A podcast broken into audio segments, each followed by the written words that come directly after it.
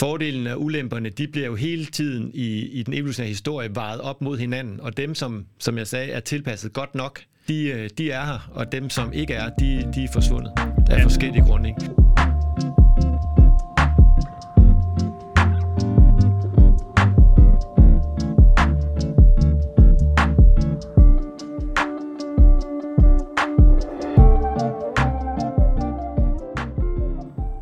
Velkommen til Videnskabskanonen, din videnskabspodcast. Min er Kasper, og der skal vi tale om klimaændringer og hvordan det påvirker dyreliv.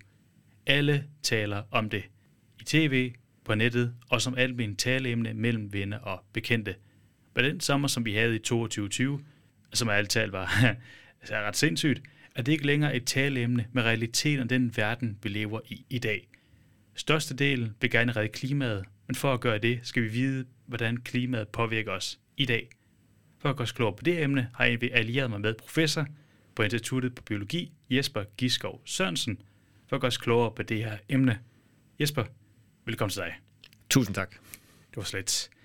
Kan du til at starte med sige om dig selv, og hvad du, øh, hvad du laver til at være i dag? Ja, men som du har sagt, så er jeg professor på biologi, og der øh, uddanner jeg jo biologer og forsker. Og både min øh, uddannelsesindsats og forskningsindsats handler om genetik og evolution, og min forskning øh, mere konkret om øh, den måde insekter og andre øh, invertebrater tilpasser sig det miljø, de lever i. Super fedt.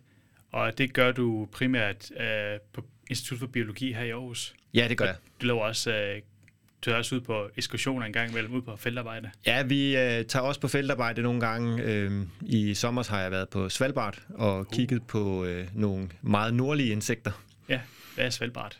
Svalbard er jo en øgruppe, der ligger øh, omkring øh, 78-79 grader nord. Uh. Øh, den hører til Norge, men, øh, men ligger jo øh, på højde med det nordlige Grønland. Damn, så det er der, hvor der nærmest er permanent permafrost, siger det bare så koldt. Der er permafrost, og der er mange gletsjer stadigvæk, øhm, uh. og der er øh, rigtig dejligt.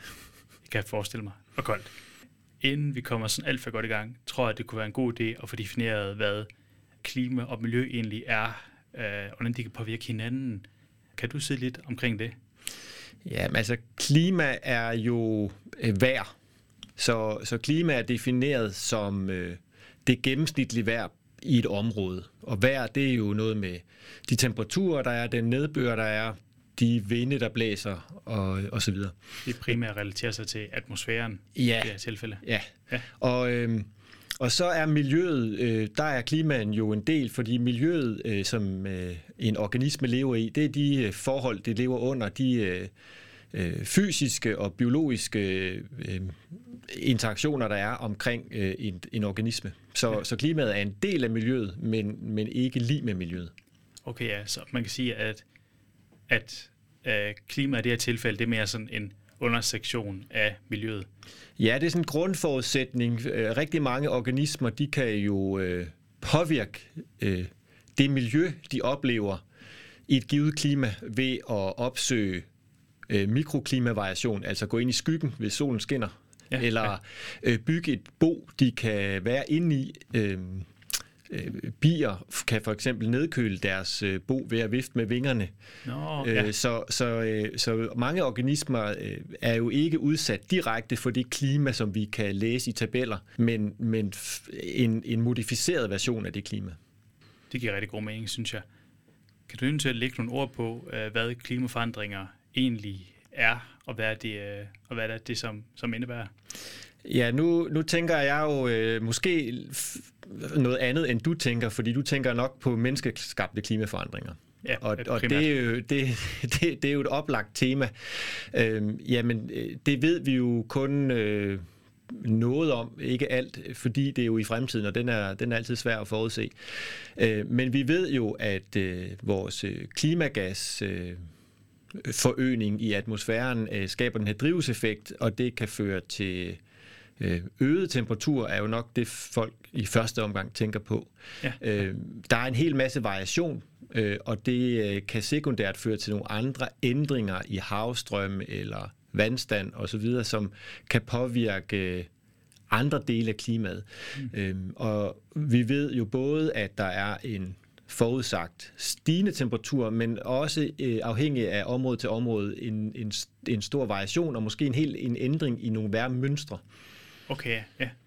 Og det er sjovt, du går ind på det, fordi nu kan jeg lidt over mod mennesker igen, og man siger, at menneskers negative indflydelse på miljøet ikke kun er i form af CO2, men også andre drivhusgasser som øh, nitrogen, oxygen og så mange andre. Men vi skal bare prøve at korte ned til CO2, for at gøre det simpelt.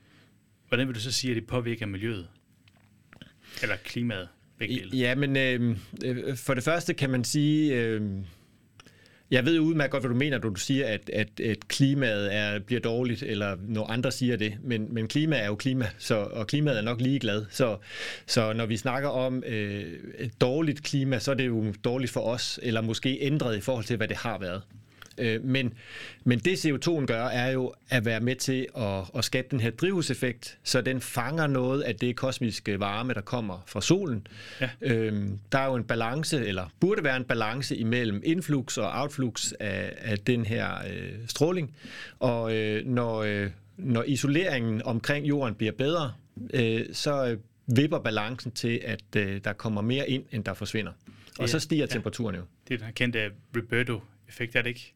Det med, at, at, at øh, det rammer jorden som øh, stråleenergi, så bliver det skudt ud igen som termisk energi, og hvis det ikke, altså normalt så kan det komme ud i rummet igen, men hvis det kan også være, det rammer, det bliver drivhusgasser, som lærer det til stråleenergi igen. Er det ikke korrekt? Det, jeg tror, det er albedo, tror jeg. Ja, albedo, det, ja, det hedder. Ja, ja præcis. Ja.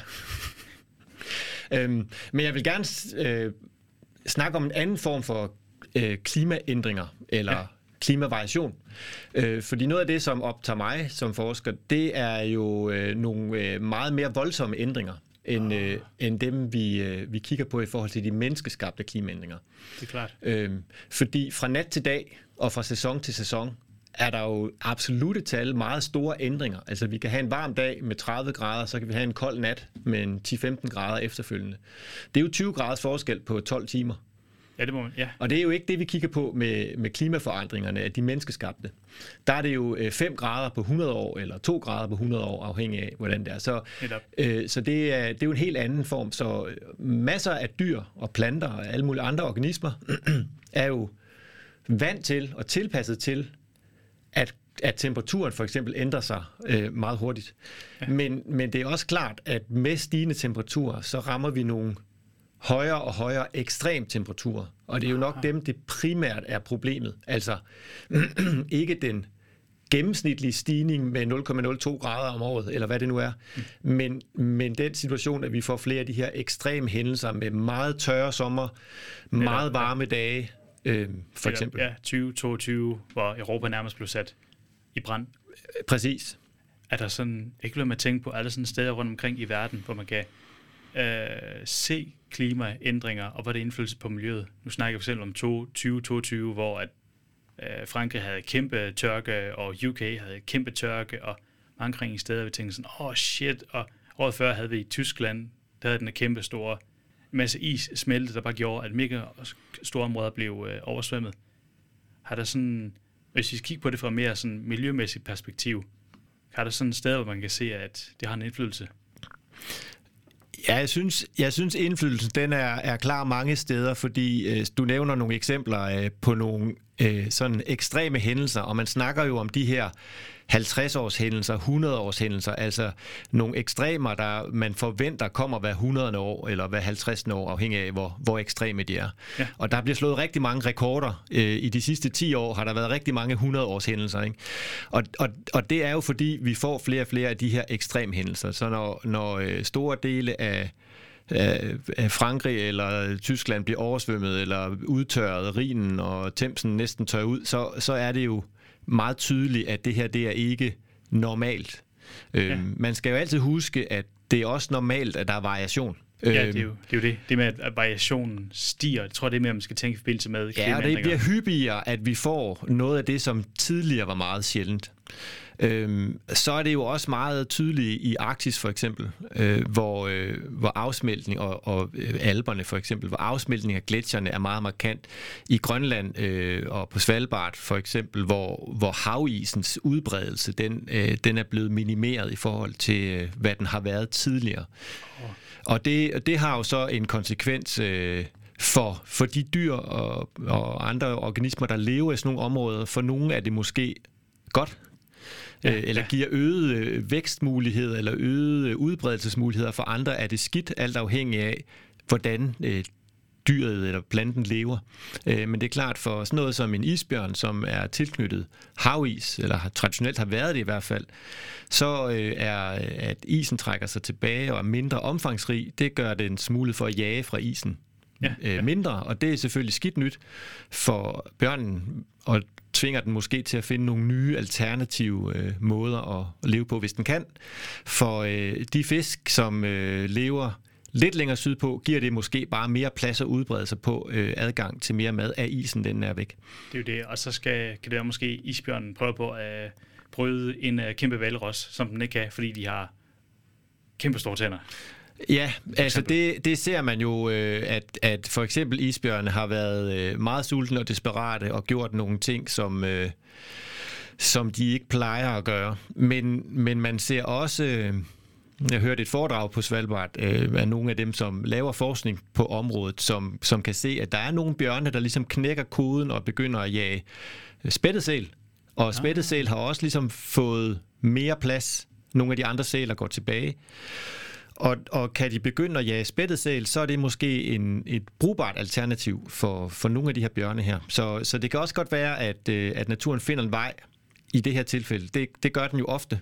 Øh, ja, det er spørgsmålet det. er, om, om det lykkes for, for bjørnene. Det, det ved vi ikke endnu, selvfølgelig. Det, det, det vil tiden vise. Præcis. Og en ting, sådan, jeg synes, det er meget spændende, også når jeg kigger igennem dine publikationer, var, at du havde arbejdet rigtig meget med, hvordan dyr for eksempel har tilpasset sig forskellige øh, klimaændringer. Kan du komme med nogle eksempler med det? Ja, altså et overordnet set, så, så arbejder vi ligesom på, øh, på to niveauer. Det, det ene niveau er sådan en traditionelt evolutionær tilpasning, hvor øh, bestemte genotyper, altså bestemte or- øh, organismer med nogle bestemte genetiske varianter, kan noget særligt, og af, af den vej, øh, fordi de kan noget særligt, klarer de sig bedre, og så bliver den genetiske variant udbredt i populationen. Det er sådan en, en klassisk darwinistisk øh, survival of the fittest tankegang. Øh, den anden er, at, øh, at de fleste eller alle organismer, de udtrykker noget, der hedder fenotypisk plasticitet, altså deres genom kan udtrykke sig forskelligt, uden at de ændrer sig genetisk på forskellige måder. Og et eksempel øh, kan jo være, hvis man kigger på sådan en række af alletræer, der står eksponeret i vinden, så er det første træ øh, altid mindre end resten, ja. fordi at det bliver hæmmet af den miljøpåvirkning, som vinden kommer med. Vi kan også se de der skæve træer ude i Vestjylland, øh, som, øh, som sådan peger ind mod øst, fordi de bliver ramt fra vest af vind. Og det er jo ikke en genetisk øh, egenskab at se sådan ud. Det kommer de til at gøre, fordi de bliver påvirket af det miljø. Og der findes en hel masse fysiologi, som øh, jeg har været med til at kigge på i insekter og æderkopper, øh, hvor, hvor æderkopper eller insekter er i stand til at øge deres varmetolerance, hvis de har været induceret for varme. Det, det er ja, lidt ligesom ja. at gå i fitnesscenteret. Hvis du træner, så bliver du stærkere.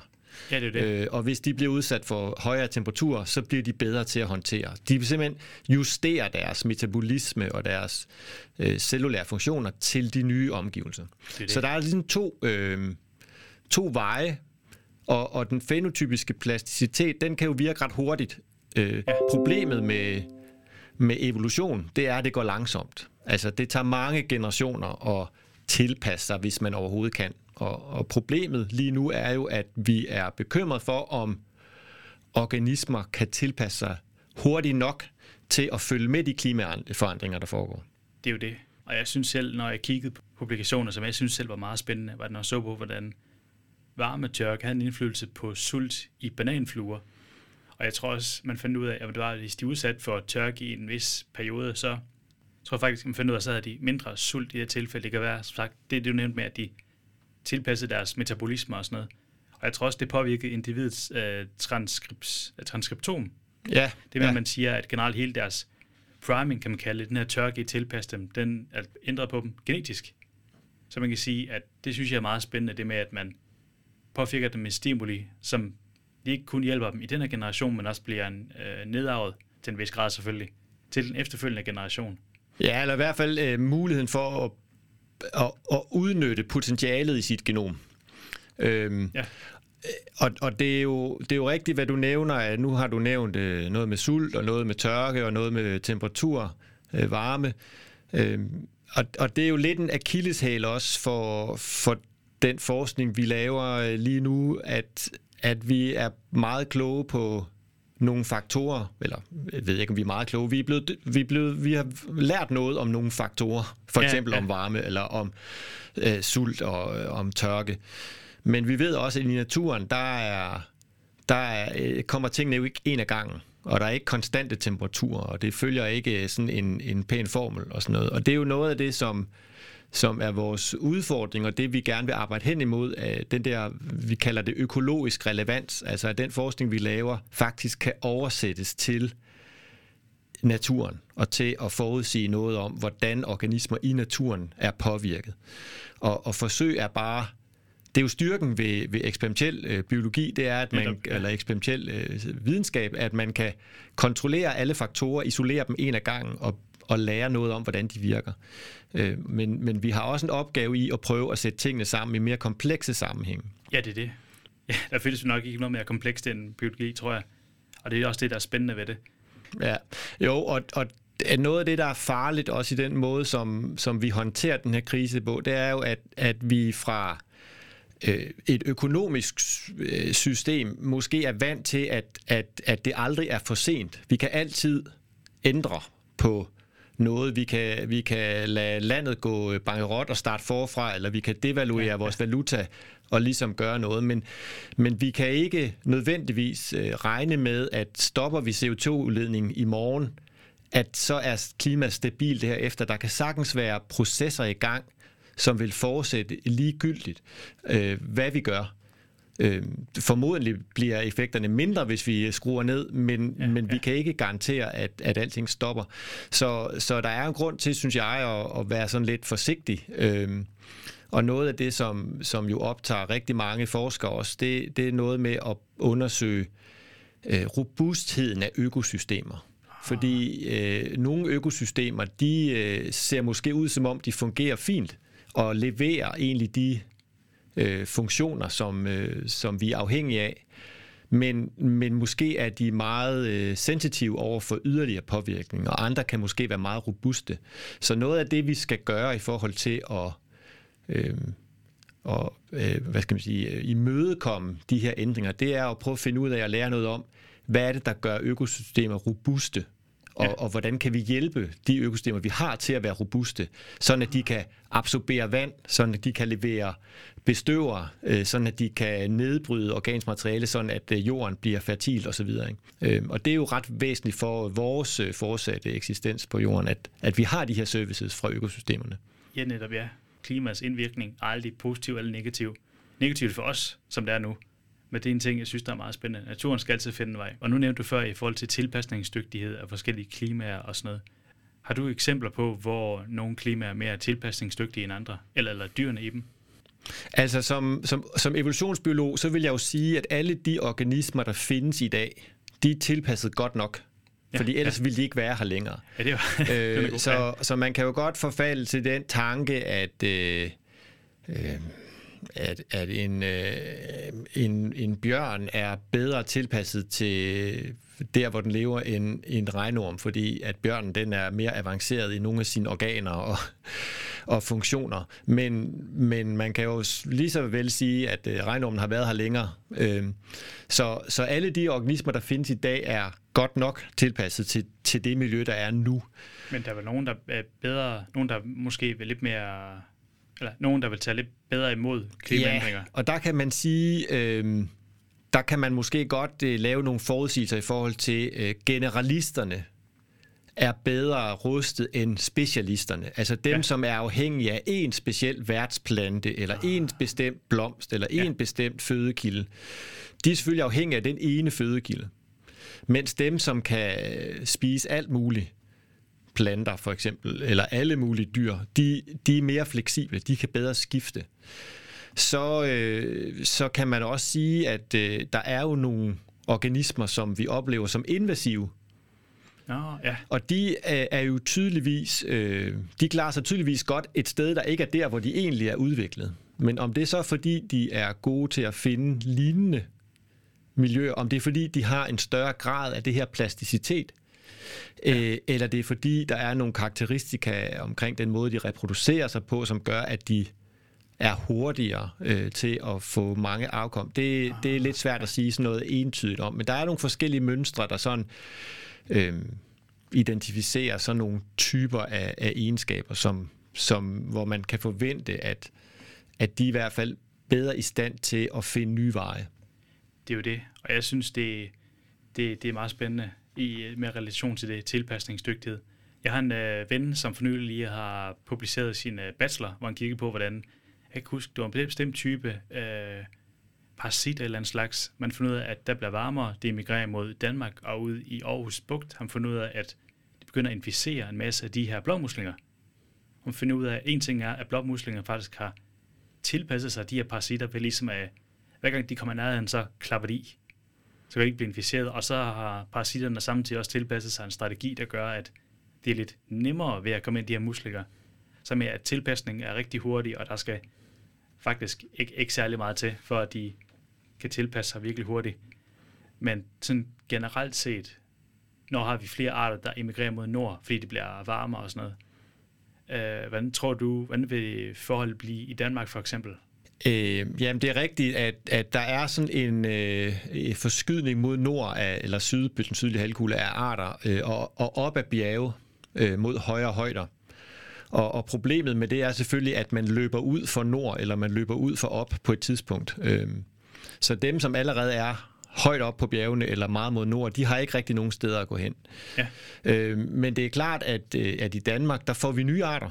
Øh, der kommer nye arter. Øh, øh, migrerende sydfra. Øh, vi ser nogle fisk, for eksempel, øh, allerede nu, som øh, vi ikke er vant til at se, som der enten øh, kommer flere af, eller, eller de er helt nye.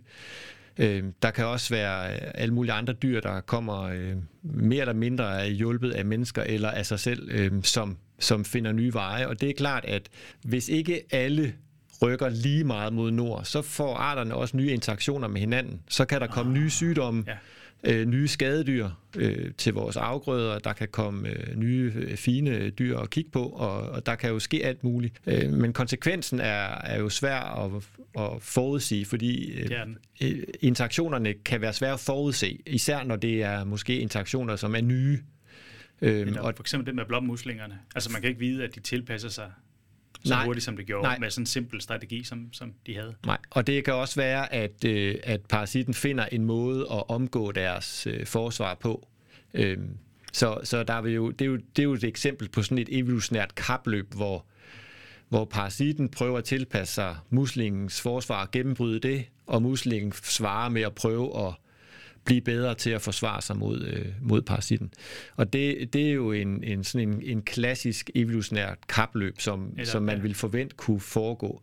Det er øhm, co-evolution, Præcis, ja. ja. Men, men øh, nogle af de her øh, relationer er jo sådan øh, lidt asymmetriske, fordi øh, en, en anden faktor i forhold til den evolutionære tilpasning, det er antallet af generationer. Ah, ja. øh, evolution er afhængig af antallet af generationer. Og øh, antallet af generationer er jo højere på en mikroorganisme for eksempel, eller på en lille parasit, end det er på et stort dyr. Så, øh, så de dyr, der har mange generationer, de har en fordel i forhold til øh, dem dyr, de dyr, der har der er lang tid om at have en generation. Og så om en million år, så, så har alle, alle haft øh, generationer nok. Men i vores levetid, så, øh, så har mikroorganismerne og de små dyr, eller de små øh, organismer, de har en fordel. Ved du eventuelt om det her evolutionære tilpasning til miljø og klima, det relaterer sig til deres kompleksitet? For der er jo det her meget kendte øh, bjørnedyr. Det er meget lille mikroskopisk, og det kan tilpasse sig, jeg tror det er latterlig temperatur, latterlig... Øh, jeg kan ikke huske, altså jeg tror man siger, at det kan overleve næsten alt. Og jeg ja, tror også, det, det hænger kan... så meget sammen med, at det er at det er så simpelt. Altså det, det, det er meget svært for en kompleks organisme. Der er mange ting, der skal lige pludselig vende sig for at man kan tilpasse sig nye biologisk stimuli. Ja, ja det er rigtigt. Det, det er nok nemmere for det dyr af bjørnedyrets størrelse og kompleksitet og, og tåle de der ekstreme udtørringer eller ekstreme temperaturer, som, øh, øh, som, som du nævner. Øh, men nogle gange er der også en, en forklaring i og med, at den ene giver den anden, fordi det er nemlig udtørringen, som som gør, at bjørnedyret er mindre sensitiv for meget lave temperaturer, fordi den kan simpelthen udtørre så meget, at ja. der ikke rigtig er noget frit vand inde i kroppen, der kan fryse. Nå, no, okay. Ja. Og det er jo, øh, så, så de to ting hænger, hænger ret tæt sammen.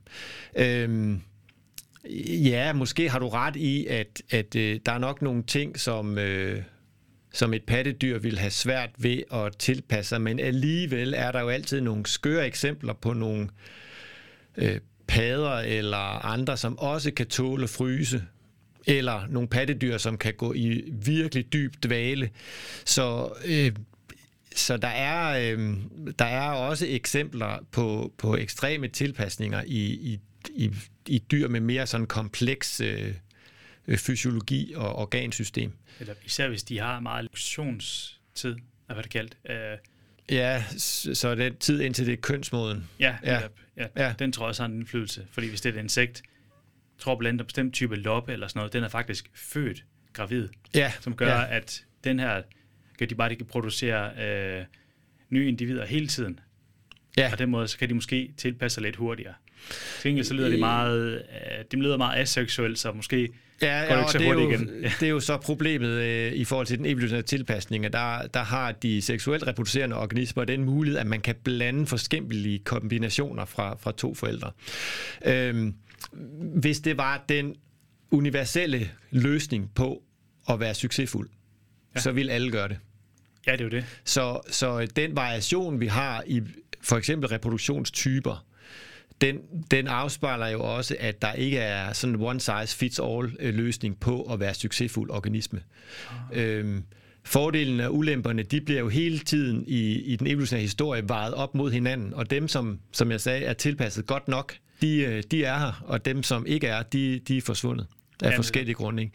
Så, så jeg tror, at i nogle øh, situationer, så er de nok favoriseret, de der dyr, der kan være meget øh, effektive i at reproducere sig, andre situationer, der er det spredningspotentialet, der er det afgørende. Ja, hvis man I, er en fugl frem for en snegl. Ja, i andre situationer, ja, måske der er en ny ø, no. og komme frem til den og kolonisere den, ikke også? Ja, ja. Øh, I andre situationer, der er det, der er det robustheden måske, og, og faktisk øh, den lange livslængde, som gør, at, at der, øh, er, det øger chancen for, øh, at der er en periode, der er favorabel Øh, det er ikke sikkert, at øh, man kan reproducere sig hvert år, og der er mange dyr som, øh, og træer, der kun blomstrer de år, hvor, hvor forholdene er til det. Og hvis du så er en loppe, der lever i 8 dage, og der ikke er forhold til det, jamen ja, så er det ja. jo øh, ligegyldigt, øh, hvor meget potentiale du har. Så jeg tror, øh, jeg tror, at grunden til, at der er så mange forskellige løsninger på, øh, på livets udfordringer, det er fordi, at, øh, at der ikke er en, der er den, den eneste rigtige, men, men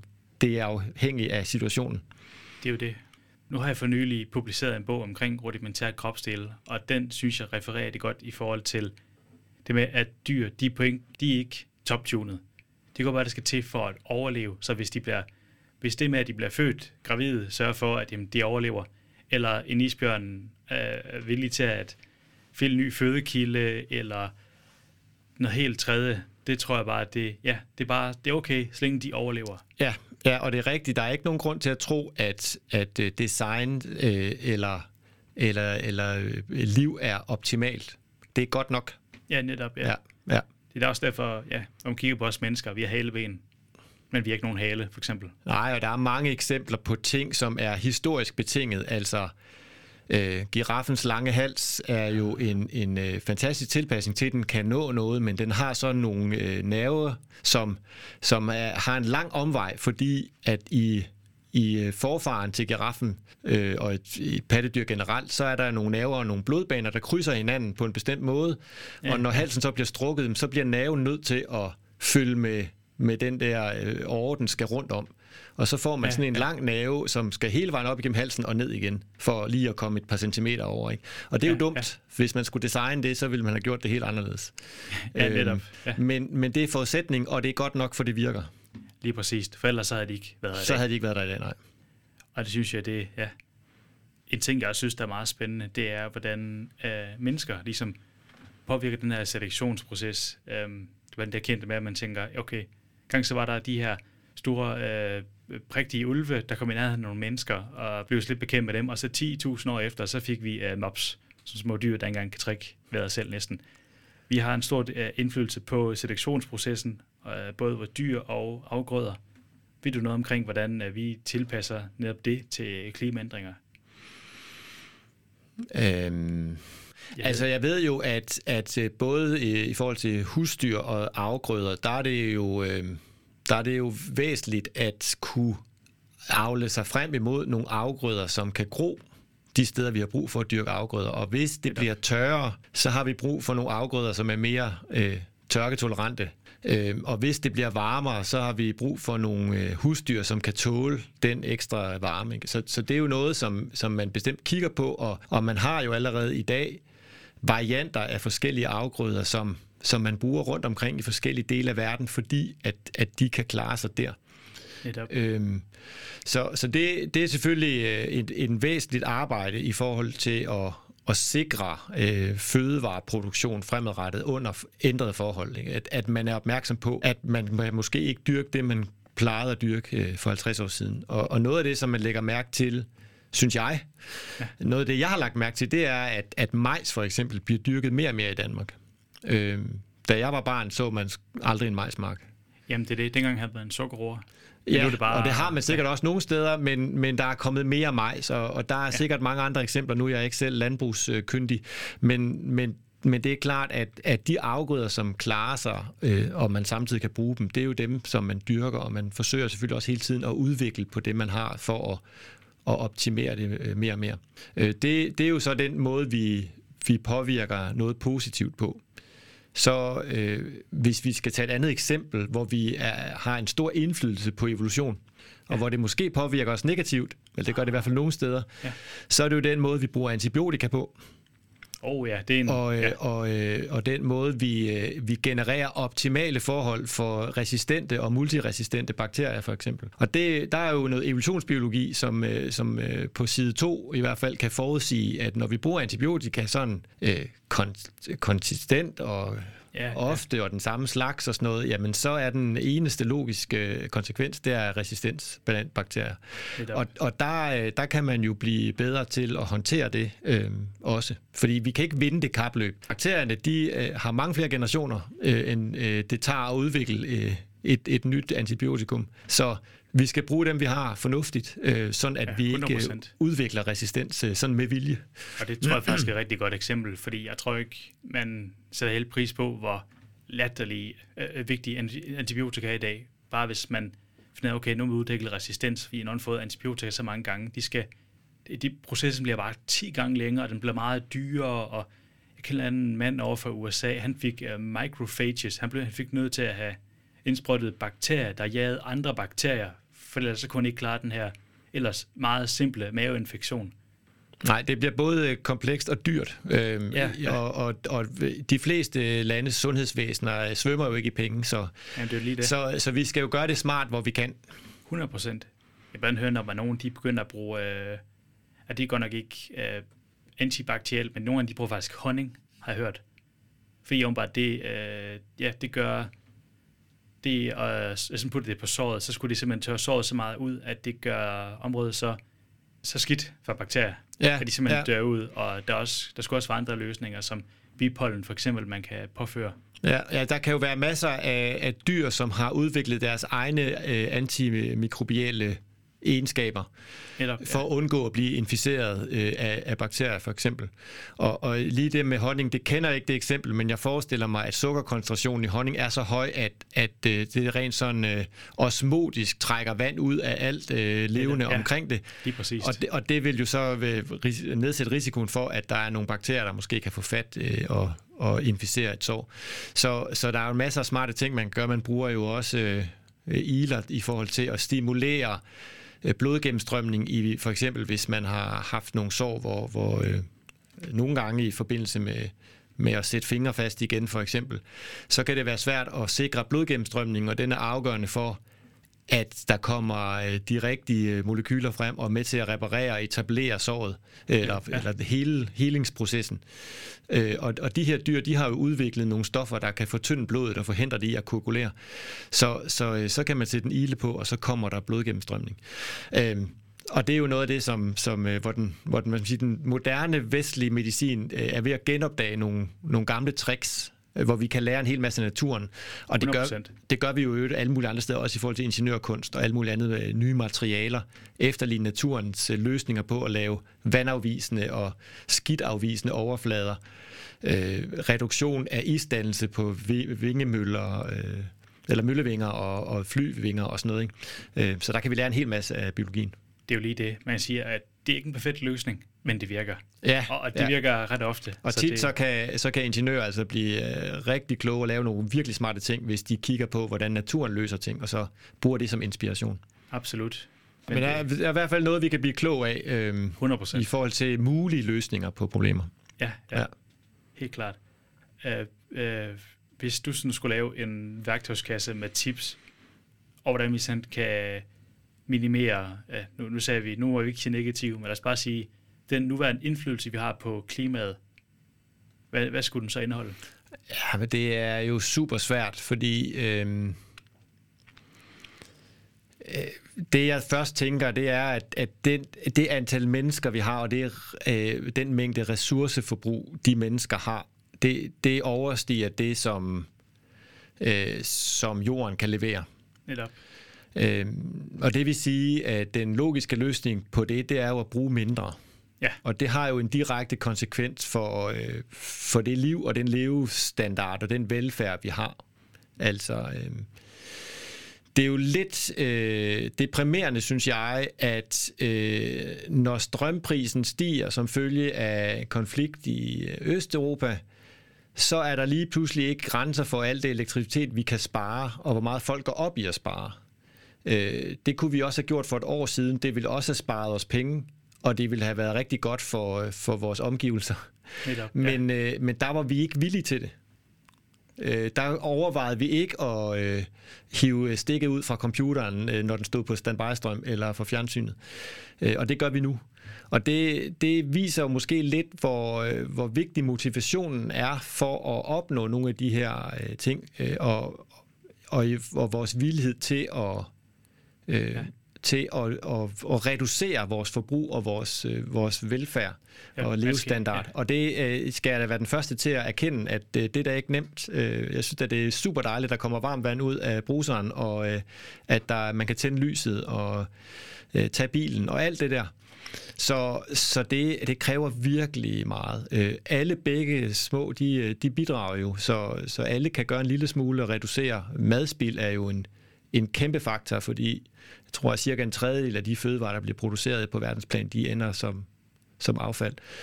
Ja. Øhm, og det, det, er jo, det er jo en ting, hvor, som man virkelig gør en forskel derhjemme og, og prøve at, at stramme op. Øh, og, og alle de ting, vi kan gøre, de hjælper jo både miljøet, men også vores egen økonomi. Så, øh, så man burde egentlig øh, gøre alt, hvad man kunne for at spare både på strøm og varme og mad. Absolut. Jeg tror, noget af det, der er vist ved krisen i Østeuropa, er, at som også reflekterer sig i meget den måde, eller det problem, politikere har med ligesom at formidle klimaændringer, er, at at man skal næsten man skal næsten mærke det ind på livet, før man rent faktisk gør noget. Der er lidt mere, at man siger, jamen om 30 år, så er miljøet fucked. Det tror jeg, der er mange, de, de, de, de, det har ikke rigtig nogen indflydelse. Og så tror jeg bare, hvis man finder ud af, at jamen, klima, eller prisen på elektricitet stiger med 1.500 kroner om måneden, så tror jeg netop, at folk faktisk mærke, at det har en indflydelse, og ikke kun noget med, at de skruer ned for gassen, men de tænker, kan vi ikke også få noget mere miljødygtigt? Jeg ja, tror, men det, en... det er rigtigt, og, og det er selvfølgelig meget konkret lige nu. Øhm, og det, og det, det er da oplagt, at, at det er også meget nemmere at se, hvad forskel det gør, når man kan se, at man sparer og, og kan regne ud, hvor mange penge det så drejer sig om, eller øh, bruge øh, strøm på et andet tidspunkt af døgnet, hvor det er billigere. Ikke? Øhm, men men der, er ikke, der er ikke nogen quick fixes. Jeg tænker, øh, der er brug for plads til naturen, hvis, hvis den skal have den der øh, robusthed til at, altså at økosystemerne skal bevare robusthed, så må, må det simpelthen ikke være for småt og for, øh, for små ting. Det er rigtig fint, at, øh, at man har vejkanter og, og haver, hvor man laver vild med vilje det, det er super godt, og øh, jeg har lige læst et eksempel øh, fra, fra Skanderborg Kommune, tror jeg, som havde et, et opslag på Facebook eller lignende, hvor, øh, hvor de havde fundet en øh, øh, øh, blåhat jordbi øh, på sådan et område, som plejede at blive slået, men det blev det ikke nu, sådan et lille hjørne. Så det hjælper selvfølgelig, men, men der skal også noget til i større skala, og, og vi ja. skal alle sammen acceptere en, øh, en nedgang i i de ressourcer, vi kan bruge, hvis, hvis vi virkelig skal gøre en indsats. Og det er super svært, fordi øh, som sagt øh, er jeg den første til at værdsætte det varme vand og øh, det lune hus, ikke også? Så ja. det, er, det er svært. Var det. Jeg havde også øh, Jens Svinding har en på et tidspunkt, som snakker om med, med, at hvis netop sådan noget som biodiversitet, hvis det absolut skal have en indflydelse, så skal vi have større områder, der skal være nogle større pattedyr. Vi skal ikke bare nøjes med sådan en lille fin have, hvor man bare lægger græs og gro. Der må gerne, ja, der skal lidt plads til, og der skal lidt, det, vi må gerne kunne ud, hvor det gør lidt ondt, for det gør godt, jeg vil sige. Ja, det, det, det skal gøre ondt, øh, eller det kommer til at gøre ondt, hvis vi gør en forskel. Og det er klart, at vi kan ikke have, have næsehorn elefanter øh, hjemme i en, i en rækkehushave. Men vi kan godt have nogle små bier. Ja, det er lige det. Ja. Så vi kan godt gøre noget. Man skal ikke lade være med det, men, men der skal mere til os. Absolut. Uh, her til sidst, er der nogle ting, som du håber på, sådan på at blive klogere på i fremtiden? Altså i forhold til det, vi har, har talt om? Ja, altså, øh, der er jo øh, der er på øh, flere planer jo. Der er jo, øh, i forhold til mit arbejde, håber jeg jo at blive klogere på, hvordan evolutionsprocessen og tilpasningsprocessen virker. Hvad det er i, i klima og miljø, som er de vigtigste faktorer. Er der nogle generelle mønstre i, hvad der sker hvorhenne? Opdage nogle nye måder at tilpasse sig på. Ja. En af de ting, vi kigger på, det er sådan noget som adfærd. Det, det har vi kigget meget lidt på i insekter, øh, fordi det er sådan lidt svært at holde styr på, hvor øh, bananfluer eller andre insekter, de bliver af, ja, øh, når ja. vi ikke kan se dem. Øh, så, så det er oplagt, at adfærd spiller en kæmpe rolle, og det vil vi gerne blive klogere på, jeg vil gerne blive klogere på i forhold til, hvordan spiller det ind sammen med, med al den fysiologi, vi har undersøgt. Øhm, så det er jo sådan øh, den personlige øh, forskningsambition, og så håber jeg selvfølgelig, ja. at samfundet og vi alle sammen øh, finder nogle levedygtige løsninger på at løse nogle af de kæmpe udfordringer, vi står overfor, sådan at vi kan, kan have, fortsat have et dejligt samfund. Det tror jeg, det lyder, det lyder som en rigtig fin pakke af de gode ønsker.